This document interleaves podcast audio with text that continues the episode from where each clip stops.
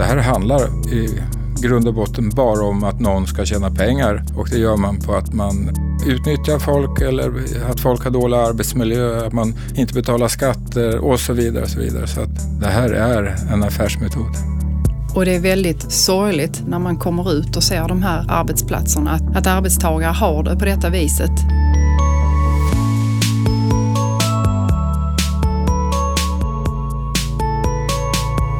Hallå arbetsmiljö! En poddserie från Arbetsmiljöverket. Hej! Det här är podden som ska ge er lyssnare mer kunskap om arbetsmiljö. Du kommer att få veta mer om de risker som kan finnas på arbetsplatser och hur man kan jobba med dem. Varje dag är Arbetsmiljöverket ute på arbetsplatser runt om i vårt land. Och deras inspektörer och experter delar med sig av sina kunskaper både på plats och här i studion.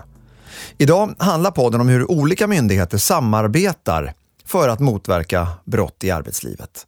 Vi kommer att få både fakta och höra experter uttala sig. Så välkomna alla lyssnare säger jag som heter Fredrik Berling och är er guide genom podden. Och välkommen säger jag också till Ann-Caroline Kostet som precis som i alla Hallå arbetsmiljöpoddar är min wingwoman, mitt analoga uppslagsverk, min nästintill allvetande expertkommentator. Hallå Fredrik, jag känner jag har ett stort ansvar här nu mm. som nästintill eh, allvetande. Ja, jag förstår att jag sätter press på det. Men det är ju trots allt så att du representerar Arbetsmiljöverket. Du är med mig som programledare här och du är inspektör till vardagen. Ja. Mm. Du gör ju oftast dina inspektioner ensam har jag ju förstått. Ja, som regel går vi ju ensamma. Ja. Eh, om det inte är särskilda insatser eller aktiviteter där vi ska vara två. Just det. Och sen ibland är ni ju ännu fler, nämligen då det sker det som vi ska prata om idag. Ja, vi gör myndighetsgemensamma kontroller och det gör jag halva min arbetstid. Jag är ute och inspekterar ihop med andra myndigheter. Jag har till exempel jobbat i helgen där vi har haft en insats tillsammans med polisen och Skatteverket. Mm. Vi ska få lite bakgrundsfakta. Åtta myndigheter har i uppdrag av regeringen att tillsammans motverka att någon bryter mot gällande regler eller ägnar sig åt brottslighet i arbetslivet. Det handlar bland annat om att myndigheterna tillsammans utvecklar metoder och gör gemensamma kontroller av arbetsställen. Utöver Arbetsmiljöverket, som samordnar uppdraget, deltar polisen, Skatteverket, Migrationsverket, Försäkringskassan, Arbetsförmedlingen, Ekobrottsmyndigheten och Jämställdhetsmyndigheten. Uppdraget pågår 2018 till 2020. Sen är tanken att metoderna ska vara så väl integrerade i myndigheternas verksamhet att arbetet rullar på av sig självt. Ja, vad säger vi om det där då, Karo? Ja, det är en väldigt viktig insats vi gör tillsammans och tillsammans får vi också en större effekt att motverka den här typen av osund konkurrens. Ja, när man hör vilka myndigheter som det är som är med så ser man också bredden av den här samverkan. Det, det, handlar ju både om ekonomiska brott och Jämställdhetsmyndigheten är med, Migrationsverket är med, polisen är med. Det, det är väldigt brett. Mm, det är det vi har ju olika roller i den här gemensamma tillsynen. Polisen tittar ju på sina delar, Skatteverket tittar på sina och vi från Arbetsmiljöverket tittar på våra som exempel. Och sen de andra myndigheterna som också är med har ju sina delar de tittar på. Mm. Och det, det, vi liksom ser utifrån arbetsmiljön då, det kan ju vara till exempel att eh, man slarvar med fallskydd, att man tar ställningar, att man tar skyddsräcken, att man inte har någonstans att fika, att man inte har någon toalett och att det saknas skyddsutrustning. Så att utifrån det, när vi kommer ut så så är det ju ofta sådana brister vi ser. Mm, men det låter som när, I de andra poddarna när vi pratar om arbetsmiljölagen och att man ska följa den, då pratar du ofta om så att det är regler och föreskrifter och om. Här säger man att det är brott som ska motverkas. Det låter som att det är mer allvarligt då? Ja, det är ju en kombination. Det är ju inte enbart att man eh, kanske bryter mot vårat regelverk utan ofta så bryter man mot flera olika regelverk. Så ah. att det, blir ju, det är ju därför vi gör det här gemensamt tillsammans för att vi ska få en större effekt. Eh, men det man ska komma ihåg är ju att det är inte bara för att komma åt de som inte sköter sig utan det är ju också för att stärka och hjälpa de som gör rätt och sköter sig. Det handlar ju om att alla som lever och bor och arbetar i Sverige ska känna tillit till den offentliga verksamheten. Mm. Så att det är ju långt ifrån alla som, som fuskar. Så. Mm. Men där är de som gör det och de ska vi jobba mot så att säga. Mm. Ja, du brukar säga att de allra flesta sköter sig, de allra flesta vill väl och göra rätt ju. Ja, precis. Jag, jag jobbade ju under flera år på, på TV-sporten och jag, jag, jag minns en, någonting som är lite parallellt med det här när, när du beskriver det. Jag var ju med inför OS 2002, träffade Per Elofsson uppe i Schnalsdal som det heter och intervjuade honom inför OS och han äh, hade ju då egentligen sin stora satsning och, och hade ju eh, chans på många medaljer som, eh, som det talades om i, i förhandsnacket. Jag intervjuade också Johan Mühlegg, jag vet inte om du kommer ihåg Johan Mühlegg, men han utklassade ju alla sen när OS drog igång och sista dagen var det väl så åkte han fast för dopning.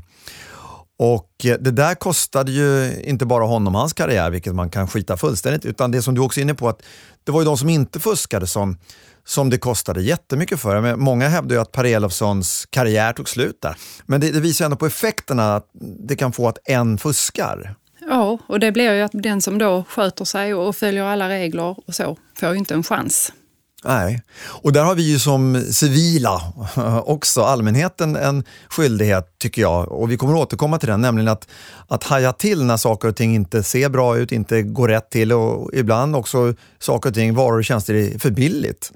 Vad det här innebär mer konkret då, det ska våra gäster som nu har kommit in i poddstudion få berätta mer om. Så därför säger jag välkomna Mikael Ros som representerar Arbetsmiljöverket och Jerk Wiberg från Polismyndigheten. Tackar. Mm, välkomna.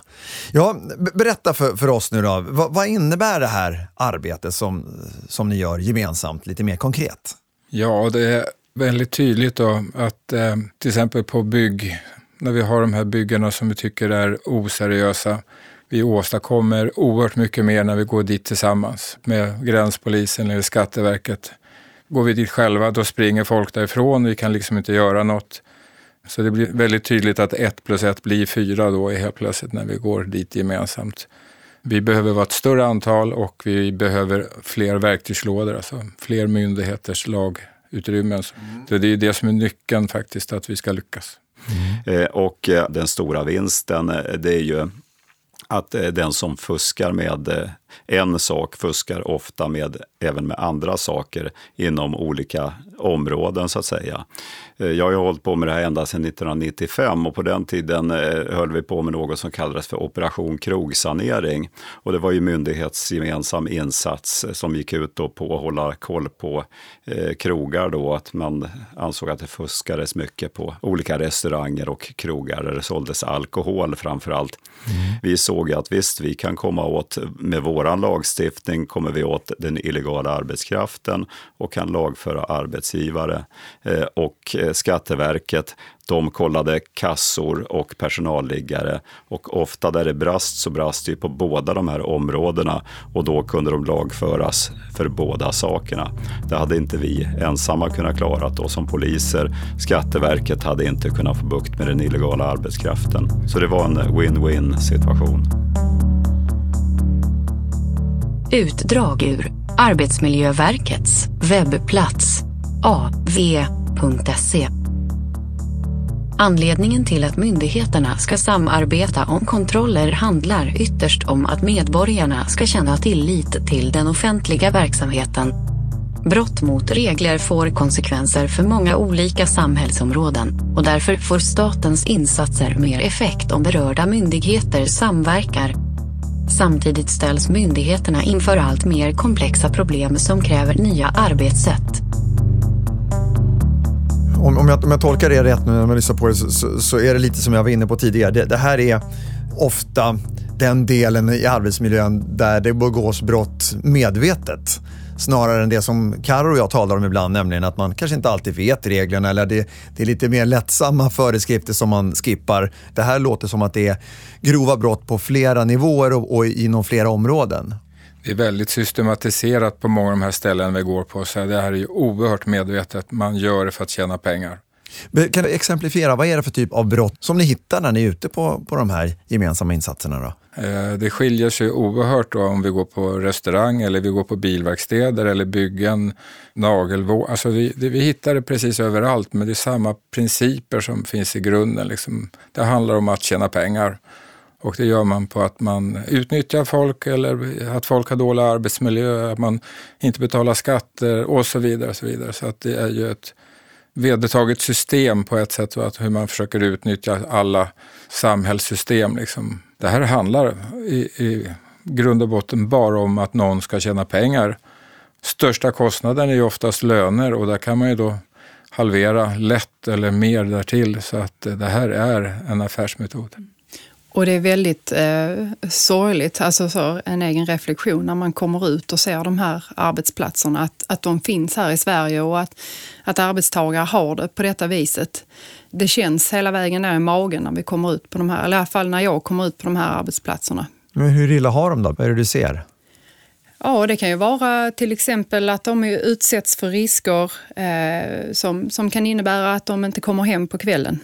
Det kan vara att de har flera kilometer till närmsta toalett. De blir hänvisade till en mack till exempel. Där kan de gå på toaletten. Att de får sitta i sina bilar med sina mackor och, och käka dem. Att de går ute och inte har ordentliga arbetskläder. Att de inte har skyddsutrustning. Och att de jobbar långa timmar, många timmar. Ja, det, det är ju allt möjligt. För det är ju sånt som kostar att sätta dit en toalett. Det kostar att sätta dit någonstans som de kan sitta och äta. Personlig skyddsutrustning kostar. Alltså allt sånt, det är ju sånt man liksom tar bort för att då tjäna de här pengarna.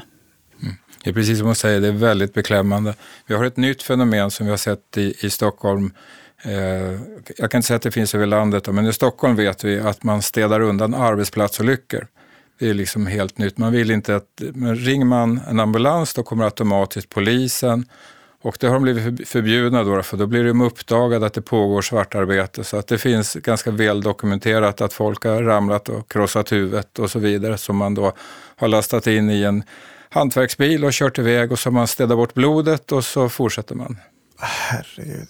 Vi har ju fått en ny lagstiftning om, om arbetskraftexploatering och den har väl inte riktigt eh, kommit i i bruk ordentligt. Då, så att det pågår ju väldigt mycket. Vi försöker få igång saker ihop med Jämställdhetsmyndigheten och ihop med polisen och vi, att vi ska försöka få till några bra ärenden.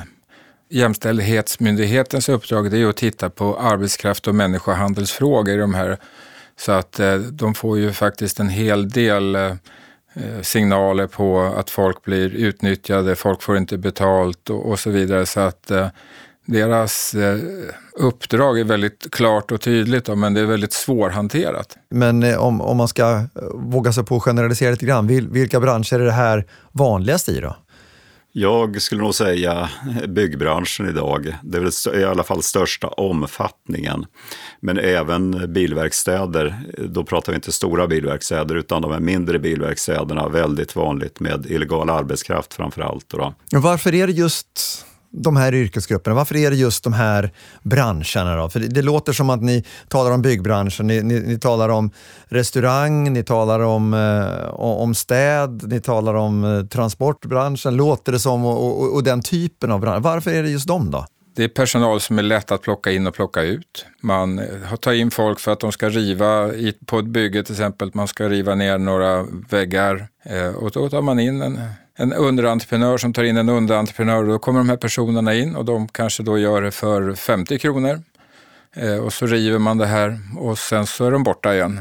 Så att det är ju lätt använd personal och det är folk då som är väldigt utsatta och som faktiskt eh, är tacksamma och glada. De tycker sig inte bli utnyttjade på samma sätt som vi tycker. Va? För att de kanske har det så dåligt hemifrån så att man är glad att man faktiskt får ihop några hundra lappar om dagen. Liksom. Och eh, just det här med byggsektorn då, det har ju varit väldigt, det har ju varit som en byggboom och väldigt behov av arbetskraft inom den sektorn. Det är det som har dragit hit mycket arbetskraft utifrån som saknar tillstånd. Eh, och man annonserar ju även rysktalande länder företrädesvis, kan du läsa på internet hur man ska bete sig för att ta sig hit och skaffa ett jobb även utan tillstånd här i Sverige. Då. Och det fåtal kontroller egentligen, om man tittar i stort på det hela, det fåtal kontroller som utförs från polisens sida där vi är med och det utfall vi får från de kontrollerna, det visar ju på ett väldigt stort mörkertal om det skulle göras fler kontroller, då, då skulle ju omfattningen bli gigantisk eh, vad, vad gäller anträffade personer utan arbetstillstånd. Det är jag övertygad om. Så vad kan hända då när, när ni träffar på en arbetsplats där, där man inte följer reglerna?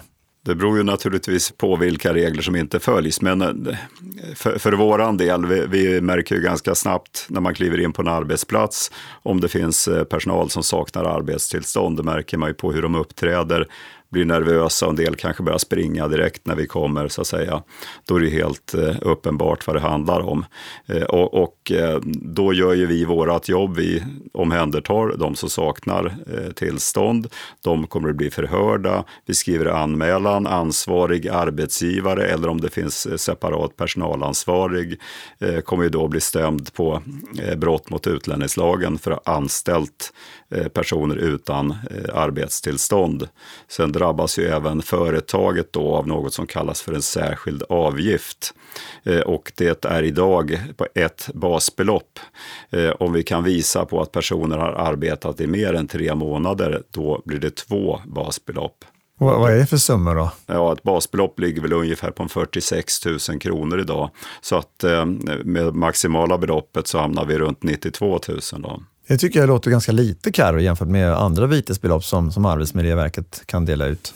Ja, vi kan ju eh, dela ut om man har eh, varit uppe på ett tak eller blivit utsatt för en risk för fall eh, och inte haft ett korrekt fallskydd så, så kan det ju landa på, vårt minimibelopp är ju 40 000 och sen är det ju hur många anställda man är så plussas det på. Maxbeloppet är 400 000.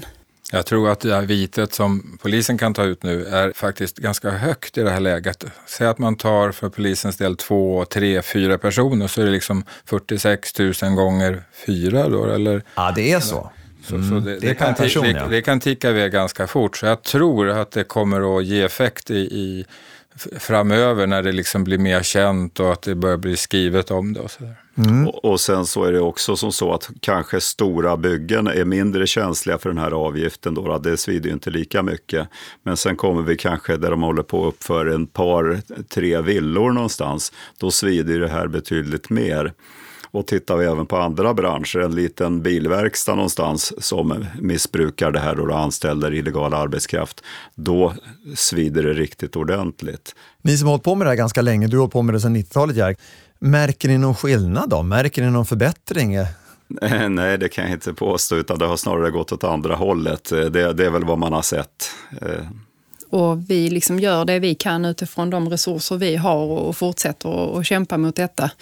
Eh, och så hoppas vi ju på att någon gång kanske att det vänder.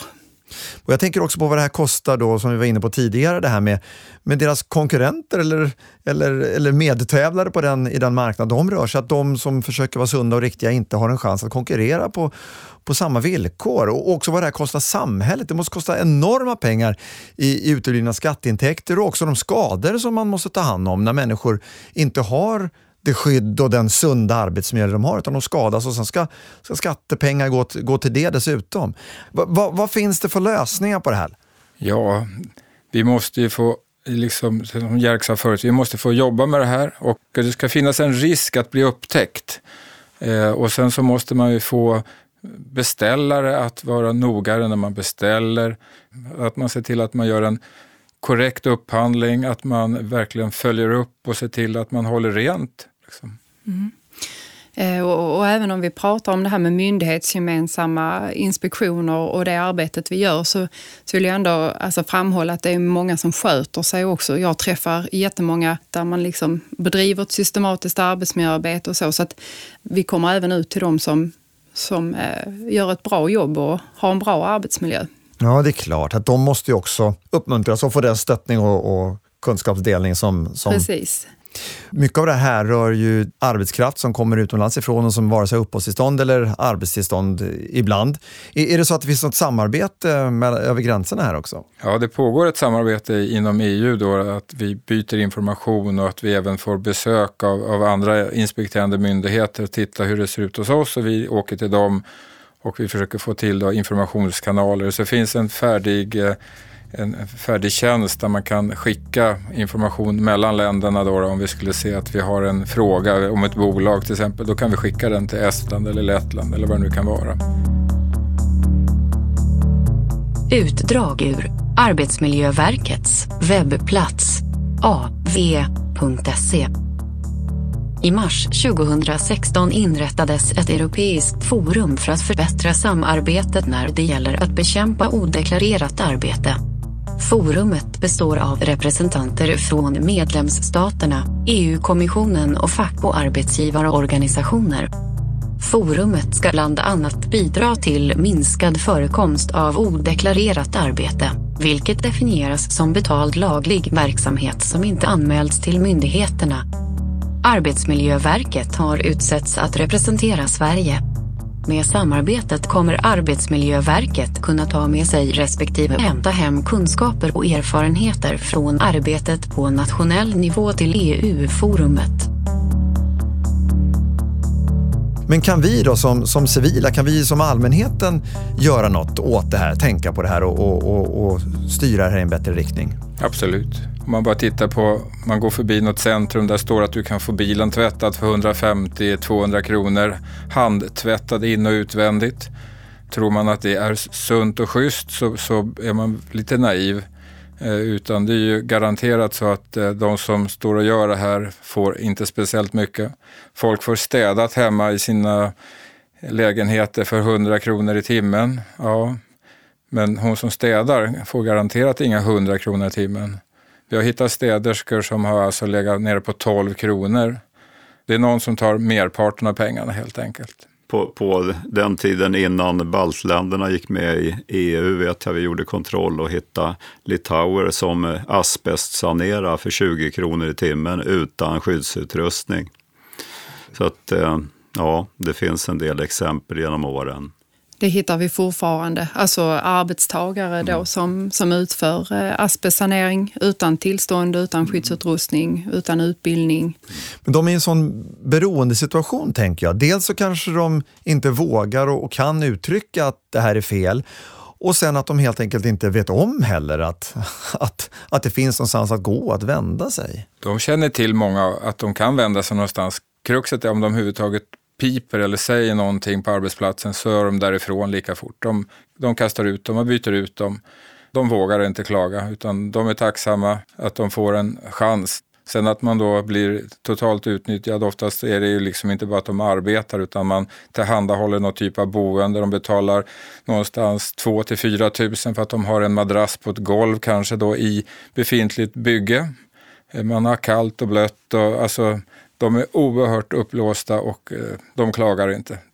Och där, eh, det du nämner nu Micke, där har vi ju möjlighet att samverka även med, med andra instanser som miljö och hälsa och så som är ute och kontrollerar olovliga boende och så. Så att, så att det är utanför de åtta myndigheterna som ingår här så har vi även möjlighet att samverka med andra myndigheter och även då kommuner men vi har även eh, dolda problem som handlar om framförallt arbetstillstånd. Sedan ett antal år tillbaks eh, så kan ju arbetsgivare utfärda arbetserbjudanden, som det heter. Eh, och då finns det ju hur många exempel som helst på att de säljer då, så här mindre noga räknade arbetsgivare säljer arbetserbjudanden. Personer kan få betala flera hundratusen kronor för ett arbete Sen kommer de hit och ska jobba officiellt. Då måste de hos Migrationsverket ha en avtalsenlig lön. De får betala tillbaks halva den lönen under bordet. Eh, och det är något som återkommer hela tiden till oss att vi får höra. Och de här människorna, eh, de kan inte berätta alls om sin situation. För att i samma stund de skulle göra det, då blir de av med sitt tillstånd. Då säger arbetsgivaren att de här är inte intressanta längre. Migrationsverket drar tillbaka sitt tillstånd och det är bara att åka hem igen. Det här är en ekvation som inte går ihop. Om du betalar för att komma hit och sen dessutom får betala tillbaka till arbetsgivaren det du, det du tjänar, då, då finns det ju ingen ekonomi i det heller. Varför gör man det här då? Det man siktar på är sannolikt att få mer än två tillståndsomgångar.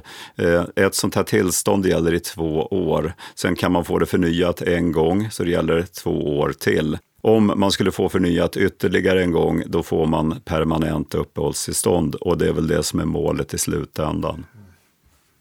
Jag tänker också att jag vill knyta tillbaka till det vi pratade om vad man som privatperson kan göra. Eh, eller arbetstagare för den delen. Man kan ju tipsa in till oss på, på Arbetsmiljöverket och man kan vara anonym. Om det är så att man ser ett arbete där man misstänker att här går det inte rätt till, detta är inte schysst.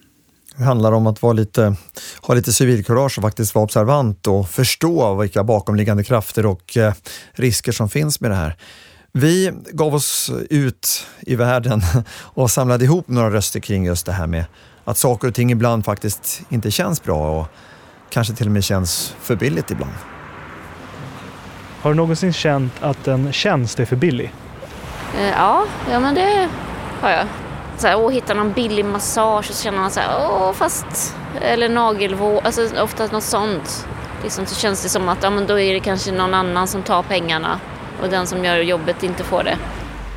Jo, det får jag nog påstå. Det är, många gånger så eh, upplever jag själv att priset prioriteras över kvalitet och en fysisk tjänst där man anlitar en person till att göra en sak, att den personen inte prioriteras över pengarna utan pengarna går i första hand. Jag tycker väldigt illa om det här med urdåliga arbetsvillkor som cyklar omkring till medelklass och överklass och levererar mat som de inte orkar gå och köpa själva. Jag tycker det är ett jävla oskick. Det är de som är anställda som får betala, det vill säga de får väldigt, väldigt dåligt betalt. Så det är ju, ja, typ kriminellt egentligen skulle jag tycka. Ja, vad säger ni om det här? Ja, det är ju det vi har varit inne på, det de beskriver. Mm, det är ju ganska starka ord om den här, de här civila faktiskt använder.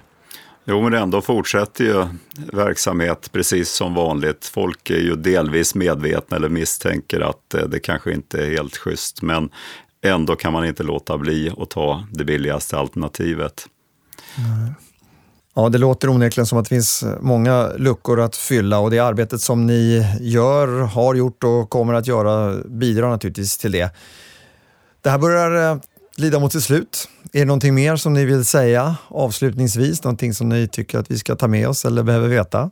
Ja, det är ett viktigt arbete. Jag tror att det här är nödvändigt om vi ska liksom kunna behålla den nivå vi har idag på samhällsservice och annat. Eh, det här tömmer alltså skatteintäkter och det gör att byggbolag går omkull idag beroende på att man konkurrerar under förutsättningar som är omöjliga att göra lagligt.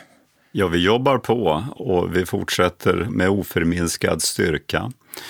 Eh, och eh, vi vet att eh, ute på byn så går ju snacket att vi gör de här kontrollerna eh, och de stora bolagen, de kommer inte vilja bli tagna med byxorna nere med illegal arbetskraft.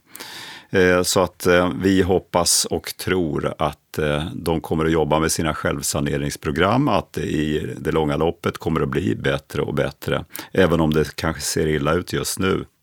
Tack så mycket Jerk Wiberg som nu levererade de slutorden. Du representerar polisen och Mikael Ros också som alltså representerar Arbetsmiljöverket.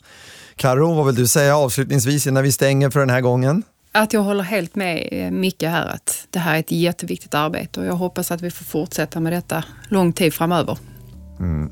Bra, för eh, visst är det så här, herregud, vi bor ju i Sverige och här ska ingen behöva bli sjuk, skadas eller dö av jobbet. Det finns fler poddar i den här serien, Hallå arbetsmiljö. Så eh, ta och lyssna på den eller gå in på eh, Arbetsmiljöverkets webbplats för mer information. Tack för att ni lyssnade. Hej hej, hörs igen.